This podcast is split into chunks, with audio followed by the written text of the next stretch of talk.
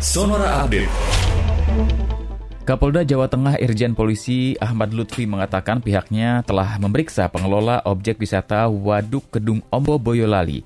Namun pihaknya belum menetapkan tersangka atas insiden perahu terbalik di Kedung Ombo. Namun Ahmad Lutfi sudah memerintahkan Satpol Air Polda Jawa Tengah untuk melakukan penyidikan dan penyelidikan terkait kelalaian yang mengakibatkan hilangnya nyawa orang lain. Menteri Koordinator Bidang Pembangunan Manusia dan Kebudayaan Muhajir Effendi mengatakan pemerintah sedang fokus memperhatikan arus balik mudik lebaran Idul Fitri 1442 Hijriah yang mulai terjadi sejak pekan ini. Meski mudik sudah dilarang, nyatanya masih ada sekitar 1,5 juta warga yang kembali ke kampung halamannya. Kondisi ini tentu mengkhawatirkan karena hingga saat ini pandemi COVID-19 belum sepenuhnya terkendali.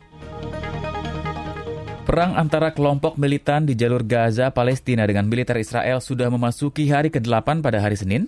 Sebanyak 192 orang tewas di Gaza, sedangkan di Israel 10 orang tewas termasuk seorang tentara militer. Dari total 192 orang yang meninggal di Gaza, 58 di antaranya adalah anak-anak. Pada hari Minggu, serangan udara Israel di kota Gaza meratakan tiga bangunan dan menewaskan sedikitnya 42 orang.